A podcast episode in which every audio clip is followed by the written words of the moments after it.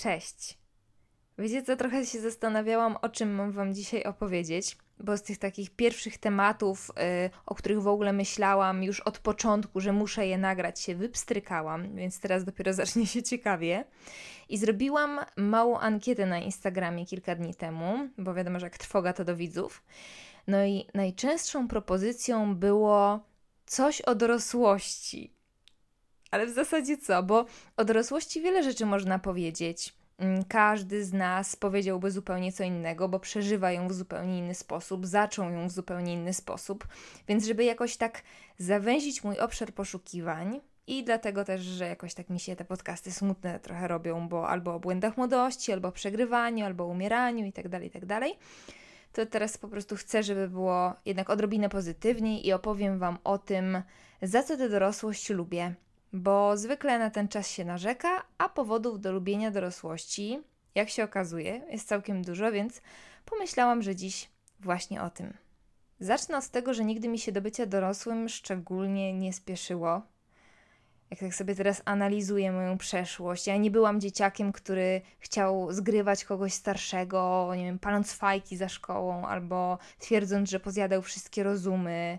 Ja nigdy nie odliczałam dni do osiemnastki. Yy, nigdy nie chciałam się w żaden sposób postarzać.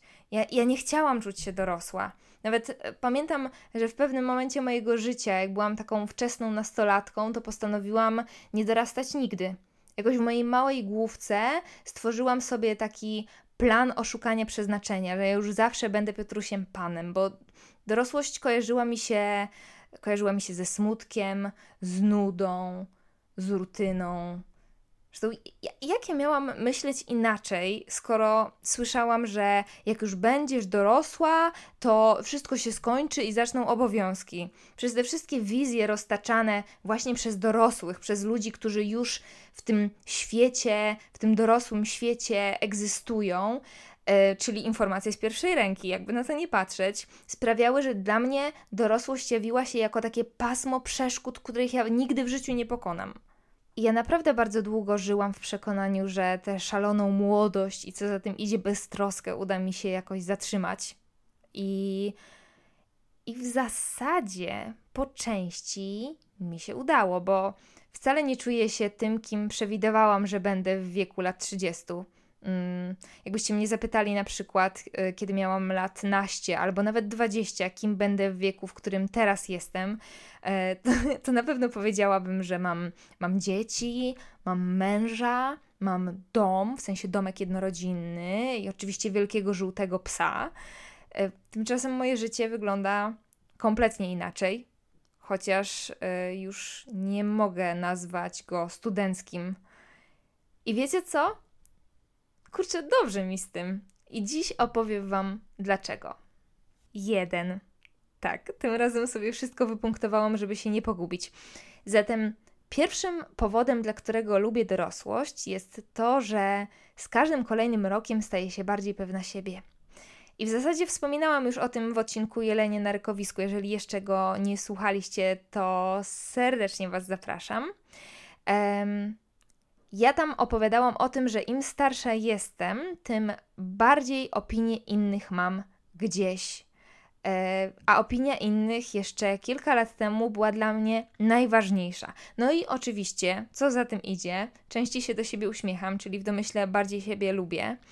E, I to też było kompletnie nie do pomyślenia w wieku na przykład nastoletnim. I w pewnym sensie odkryłam też źródło tej mojej pewności siebie. I polega ono na niemal totalnym zaprzestaniu analizowania swoich niedoskonałości. Ja to po prostu u siebie wyłączyłam. Oczywiście jestem ich świadoma, ale się nad nimi nie zastanawiam. Nie marnuję już tego cennego czasu na analizę każdej kropeczki na moim ciele. Mm, I ten czas, który właśnie marnowałam przed lustrem, teraz przeznaczam na naukę samej siebie ja się siebie cały czas uczę, cały czas się odkrywam i wiem, że jeszcze cała masa nauki i odkryć przede mną, ale ta wiedza, którą już zgromadziłam, pozwala mi na odnalezienie swoich atutów. I takim moim największym atutem, taką moją tajną bronią jest mój piękny, wielki, niesamowicie seksowny mózg. po prostu kurczę, no, powiem to, po prostu bystra ze mnie laska. I nie mam zamiaru tutaj owijać w bawełnę i udawać, że o tym nie wiem, ale ktoś tam mi kiedyś tam powiedział, ale ja w zasadzie to ja nie jestem tego pewna. Nie mogę o sobie powiedzieć, że jestem zjawiskowo piękna. Nigdy nie mogłam tego o sobie powiedzieć i najprawdopodobniej nigdy tego o sobie nie powiem, ale że diabelsko błyskotliwa, już tak. Ja po prostu to wiem. I wiem też, spokojnie. Wiem też, że jeszcze nasza mentalność nie pozwala nam takich samochwałek y, słuchać bez takiego, wiecie, delikatnego cringe'u, takiego delikatnego zażenowania i rozdrażnienia. Ale ja postanowiłam się, się pochwalić. A co? Ja się za tę moją zawartość głowy bardzo lubię i tego mojego sexy mózgu używam w różnych celach, ale uważam też, że to właśnie on czyni mnie zwyczajnie atrakcyjną jednostką. I w ogóle im jestem starsza, tym bardziej dostrzegam, że, że to właśnie zawartość naszej głowy ma największe, znac- ma największe znaczenie i ma znacznie większe znaczenie niż na przykład, nie wiem, e, rząd białych zębów czy nogi do nieba. Niemniej jednak, żebym też nie była źle zrozumiana, o ciało trzeba dbać. I tu przechodzę do kolejnego punktu, do punktu drugiego, który już liznęłam w punkcie pierwszym. Widzicie, ja jednak nie umiem po kolei. Zatem dwa. Kiedy jesteś dorosły, to lepiej znasz swoje ciało i umiesz o nie dbać. I nie chodzi mi tutaj tylko i wyłącznie o to, że na przykład mi udało się do, dobrać kosmetyki w taki sposób, że mam ich dosłownie kilka w kosmetyczce i to mi w zupełności wystarczy, co również nie było do pomyślenia jeszcze kilka lat temu. A w ogóle, jak sobie teraz przypominam, to na przykład na studiach albo w liceum, w liceum to już całkiem, ja, miałam zatrzęsienie kosmetyków ja, ja je mam wrażenie kupowałam jakoś tak kompulsywnie przy każdym spadku samooceny, no bo przecież producent obiecywał, że dzięki temu szamponowi będę miała gęste, jedwabiste włosy, dzięki, nie wiem, temu balsamowi jędrne pośladki, a ten podkład sprawi, że, że moja skóra będzie przepiękna jak twarz porcelanowej lalki. No, to jak się nie trudno domyślić, nigdy się nie zdarzyło. I ja dopiero od całkiem niedawna zaczęłam tak, tak naprawdę o siebie dbać. I oczywiście skłamałabym, gdybym powiedziała, że, że robię to turbo restrykcyjnie i codziennie zielony sok i sałatka z jarmużem. Oczywiście, że nie, ale raczej staram się napełniać swoje ciało rzeczami, które dadzą mi zdrowie, bo właśnie to jest kolejna obserwacja, że im starszy jesteś, tym bardziej właśnie na zdrowiu ci zależy, a nie na tym, żeby ten zielony sok sprawił, że mm, twoja skóra będzie gładka jak pupa niemowlaka. Na to liczy się bardziej jako na efekt uboczny. Na przykład teraz już pamiętam, żeby regularnie odwiedzać takiego ginekologa. I tu apel. Dziewczyny, róbcie sobie regularne badania. Ja wiem, że wizyta u ginekologa to nie jest dzień w Disneylandzie, ale te kilka minut naprawdę może Was, nas uratować przed przeróżnymi, najgorszymi na świecie paskudztwami. Oczywiście w ogóle uważam, że trzeba kontrolować stan całego naszego ciała, ale jednak na przegląd podwozia chodzimy wciąż rzadko, nieregularnie, o ile w ogóle. Także pliska, chodźmy się badać i o cyskach też pamiętajmy. Koniec apelu. Także wracając do nieco bardziej ogólnego y, zagadnienia, to relacja z moim ciałem stała się stała się taka bardzo ciepła, od kiedy jestem dorosła. I ona cały czas staje się coraz cieplejsza.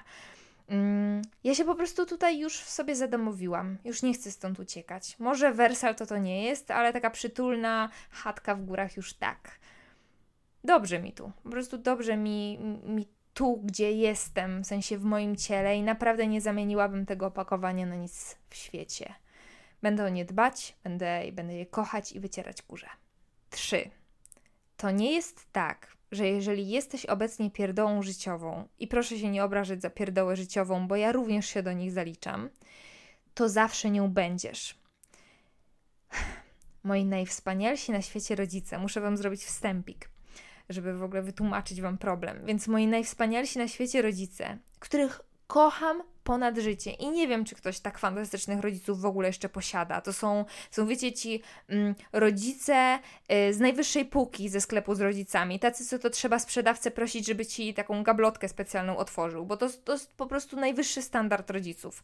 Zatem moi wspaniali rodzice popełnili jeden błąd. Przepraszam, mamo, przepraszam, tato, wiem, że tego słuchacie. Moi rodzice słuchają e, moich podcastów, bardzo mi kibicują i wiem, że tego na pewno będą słuchać, ale to nie jest żaden temat tabu, nie mówię teraz niczego odkrywczego, bo już e, między sobą też ten problem staramy się jakoś rozpracować. Otóż moi najlepsi na świecie rodzice wychowali mnie pod kloszem. I ten klosz był na tyle szczelny, że jak zaczęłam wchodzić w dorosłość, to nie umiałam, musicie mi uwierzyć na słowo, nie umiałam nic, nie umiałam niczego załatwić, nie umiałam nigdzie zadzwonić.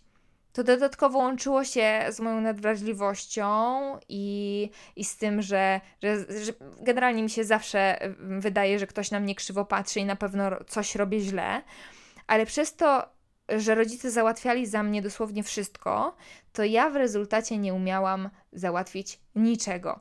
Więc jeśli tak jak ja, z różnych względów, myślisz, że, mm, że dorosłość będzie wiecznym tonięciem w obowiązkach, których nie potrafisz, którym nie potrafisz w ogóle sprostać, to mogę cię uspokoić. Skoro taka życiowa dupa jak ja umie teraz i do urzędu pójść, i zadzwonić gdzie trzeba, i ba, jeszcze powiedzieć przez ten telefon wszystko to, co chcę powiedzieć, to znaczy, że ty też będziesz mógł. Dorosłość uczycie oczywiście życia w sposób y, bardzo brutalny, po prostu stawiacie pod ścianą i i musisz to zrobić, inaczej zginiesz. Nie będziesz przecież, nie wiem, dzwonić do rodziców, żeby przyjechali do twojego miasta z drugiego końca Polski załatwić ci, yy, załóżmy, coś w urzędzie. Myślę w ogóle, że dobrą rozgrzewką, i tu trochę nawiązuję do mojego e, przedostatniego odcinka, są studia. Tam jest kupę załatwiania, różnych mniej lub bardziej, ale raczej mniej istotnych spraw. Jeżeli słuchaliście odcinka Studencki Survival, to wiecie, jakie jest moje podejście do tych wszystkich y, studenckich, akademickich formalności. E, ja po prostu uważam, że są średnio potrzebne, ale mniejsza o to. Jeżeli mielibyśmy się doszukiwać faktycznie e, jakichś dobrych stron tego, tego wiecznego załatwiania i chodzenia do dziekanatu, to, to, to, jest właśnie, to jest właśnie to że, że te wszystkie formalności przygotowują cię do przyszłego dorosłego życia.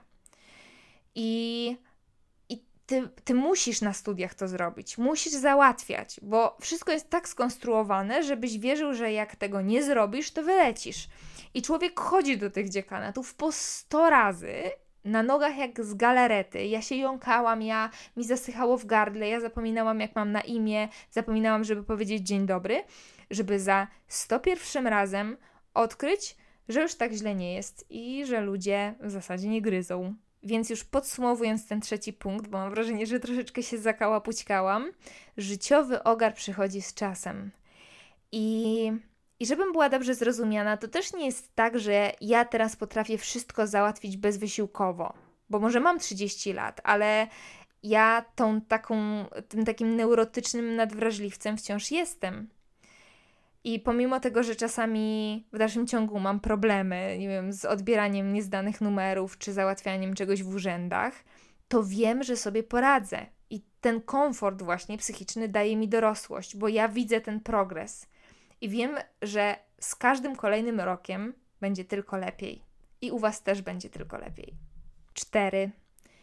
Tu trochę nie wiem, jak to nazwać. Mam mały problem, bo Hm, bo stabilizacja to słowo, które kurczę, jakoś nie budzi u mnie dobrych emocji. W ogóle wydaje mi się pojęciem trochę utopijnym, bo nigdy nie wiesz, czy coś się zaraz nie pierdolnie, ale jest w byciu dorosłym i mówię oczywiście tylko i wyłącznie z mojej własnej perspektywy, mm, bo tak jak mówiłam na początku, tych oblicz dorosłości jest wiele, ale w tej mojej dorosłości jest jakieś takie poczucie bezpieczeństwa jednak już jakiegoś takiego poukładania, jakiegoś rytmu.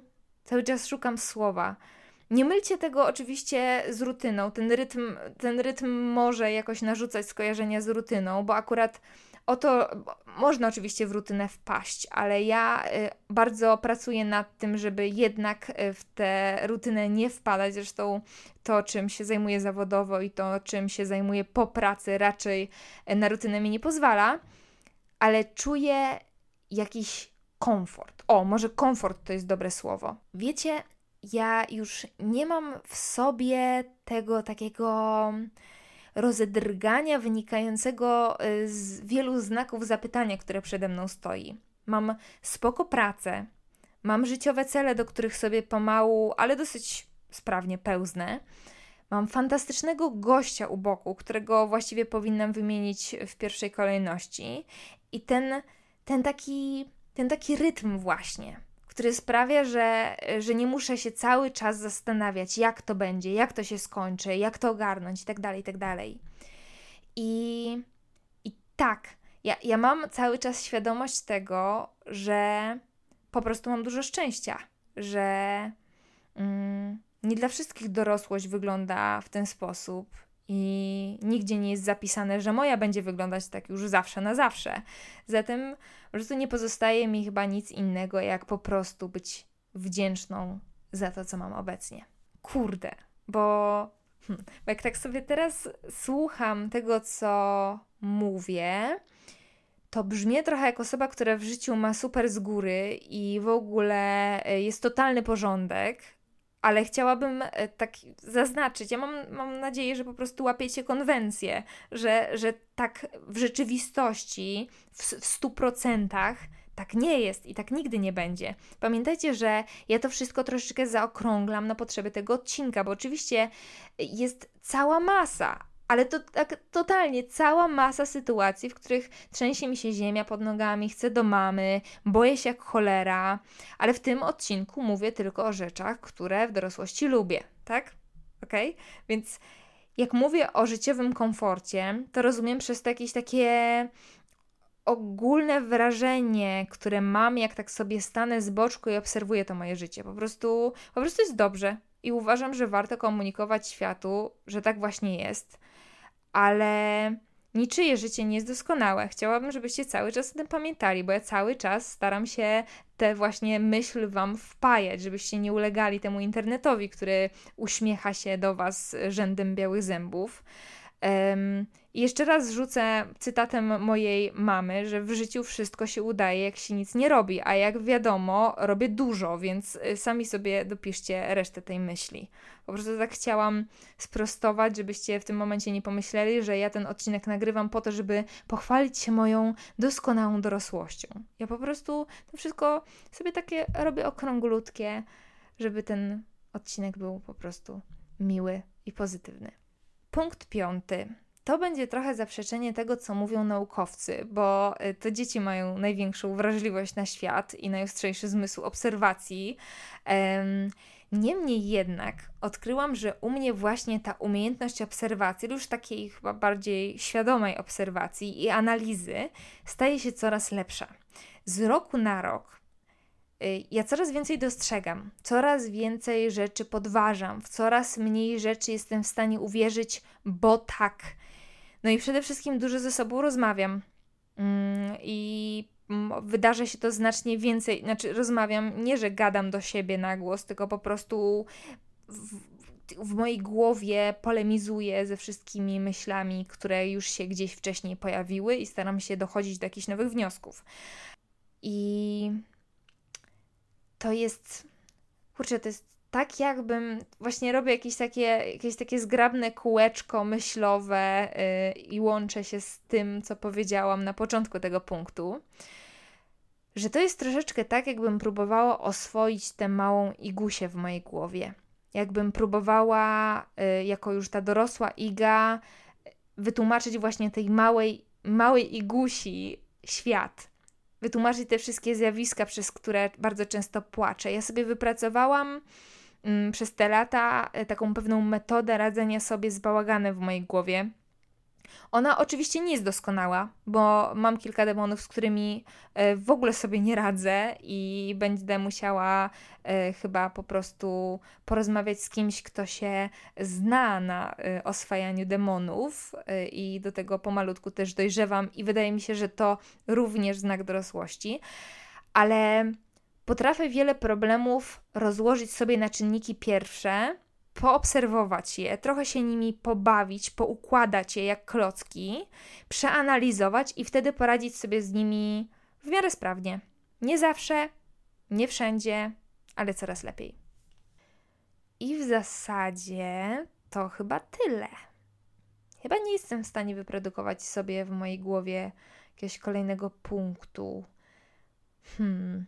Ogólna konkluzja jest taka, że ta dorosłość, oczywiście mówię tu o wczesnej dorosłości, bo dzieci jeszcze, jeszcze nie mam, a może nigdy nie będę miała, i w tej prawdziwej dorosłości dopiero się rozkręcam, ale ten czas, który teraz przeżywam i który jest yy, przed większością z Was dopiero, bo czuję się tutaj jako taka trochę Wasza starsza siostra, nie jest tym, czym jesteśmy straszeni że jak studia się skończą, to wtedy zobaczysz, jak wygląda prawdziwe życie.